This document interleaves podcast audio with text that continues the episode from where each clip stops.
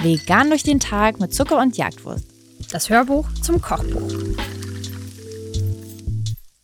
Wir befinden uns im Bereich des Frühstücks und das heißt, wir befinden uns im Bereich der veganen Eierspeisen. Herzlich willkommen. Vielleicht habt ihr schon unseren Rührtofu mal probiert. Vielleicht habt ihr schon mal unseren veganen Eiersalat probiert und jetzt wollt ihr auch das vegane Omelett zubereiten. Und da hat sich Isa was richtig Verrücktes ausgedacht. Ich finde, ähm, ihr lest bestimmt auch gerade Mungbohnen und dachtet, ach du meine Güte, was passiert denn jetzt?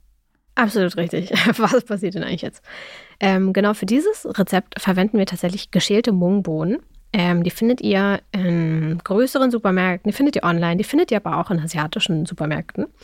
Ähm, vielleicht sogar unter dem Namen Mungdal oder auch gelbe Linsen. Ähm, achtet auf jeden Fall darauf, dass ihr geschälte nehmt. Das ist wirklich extrem wichtig, denn jede von diesen Bohnen selber zu schälen ist ein absoluter ich sage das Wort jetzt nicht, aber es ist einfach sehr anstrengend. Ähm, deswegen achtet darauf, dass ihr die kleinen gelben Bohnen findet. Und die sollten schon geschält sein, da sollte keine grüne Schale mehr drum sein.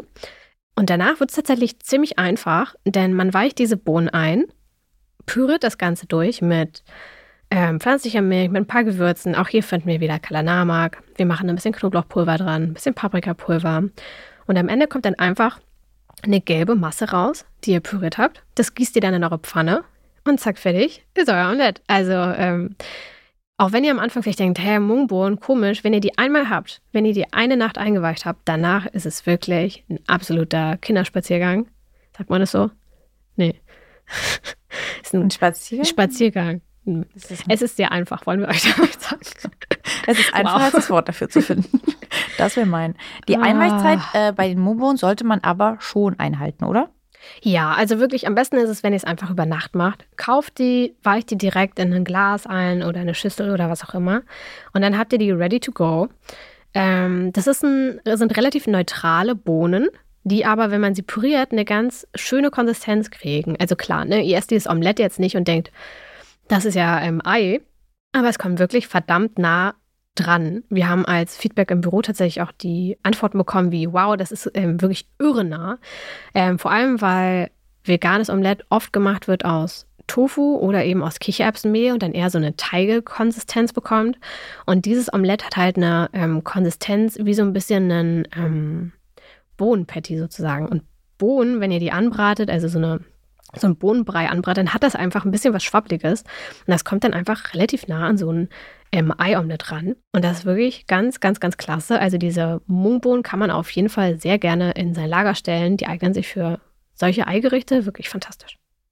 Der ähm, durch diesen Key Changer, wie du es genannt hast, ähm, durch den Game Changer fand ich auch ähm, war der Unterschied in der Konsistenz auch krass zu merken, weil man das eben oft hat, dass das vegane Omelett fast eher dann ein Pfannkuchen wird ja. und dann durch das Mehl oder viel Mehl dann auch einfach schneller bricht, so mhm. wie ihr das jetzt ja auch auf dem Foto sieht, wie das serviert wird, wäre das dann sonst auch gar nicht möglich. Aber dadurch, dass der geschmeidiger ist, der Teig, könnt ihr den ja auch so toll ähm, klappen, füllen, wie ihr das möchtet.